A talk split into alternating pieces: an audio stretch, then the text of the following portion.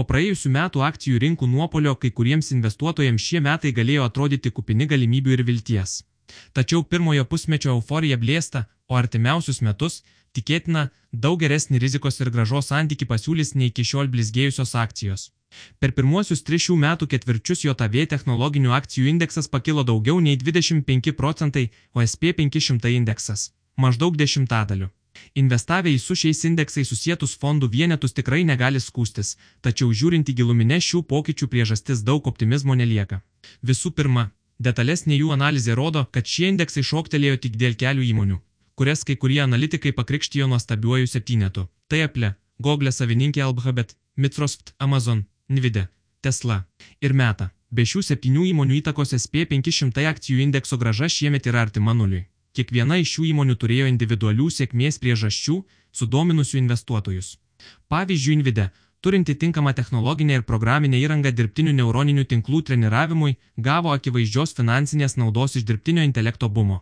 Tesla vis dar mėgavosi elektromobilių revoliuciją, nors šios įmonės nebegalima pavadinti neturinčia lygių ir konkurencijos. Jos užimama pasaulinės elektromobilių rinkos dalis jau nebeauga daugiau nei metus, o pelno maržos sumažėjo, nes teko pradėti konkuruoti mažinant kainas. Tačiau visas šis nuostabusis septynetas turėjo vieną bendrą bruožą - jų akcijų kainos pakilo ne dėl jų uždirbto ar laukiamos pelno, o dėl to, kad investuotojai sutiko mokėti už tą pelną didesnę kainą. Techniniais terminais kalbant, pakilo tik PR rodiklis - laukiamas pelnas tenkantis vienai akcijai NGL, earnings per šarę nepadidėjo, padidėjo tik už jį mokama kaina.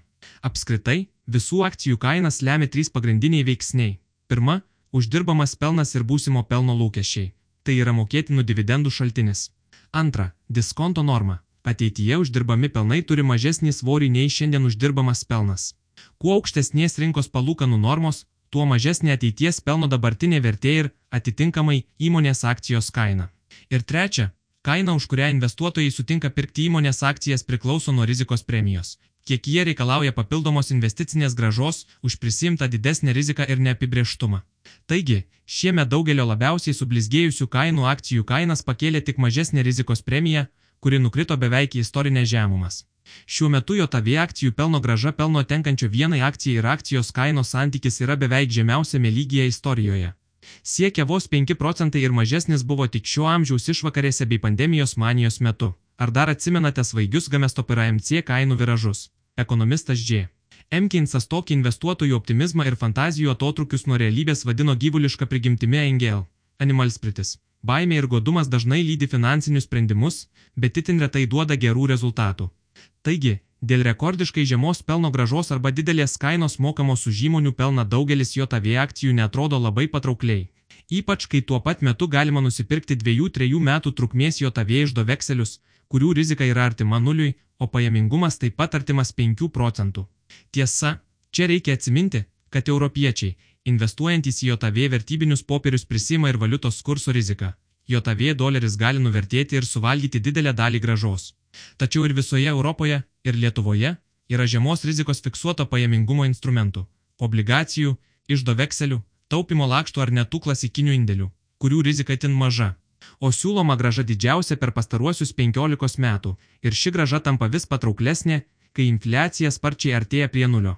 Taigi, iš paukščio skrydžio žiūrint į tris plačiausias turto klases - įmonių akcijas, nekilnojamą į turtą ir įvairiausias obligacijas. Dauguma argumentų rodo, kad būtent pastaroji šiuo metu yra patraukliausia investicija. Centriniai bankai žada dar ilgokai palūkanų normas palaikyti dabartinėse aukštumose, kol įsitikins, kad infliacija sumažės iki 2 procentų.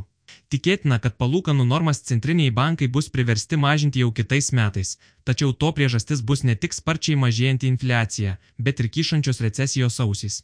Beveik visi iš ankstiniai indikatoriai - pramonės užsakymų lygis, verslo ir gyventojų lūkesčiai, obligacijų pajamingumo kreivė, kreditavimo sąlygos, paskolų paklausa - vis dar signalizuoja, kad jo tavė nepavyks išvengti recesijos.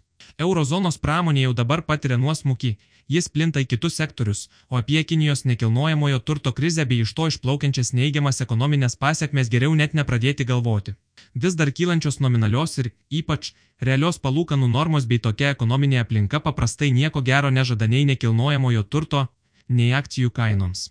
Prasidėjus ekonomikos nuosmukiu ir pradedant mažėti palūkanoms turbūt bus daug geresnis metas investuoti į aukštesnės rizikos instrumentus, o šiuo metu geriausią gražos rizikos santyki gali pasiūlyti jau paminėti fiksuoto pajamingumo instrumentai.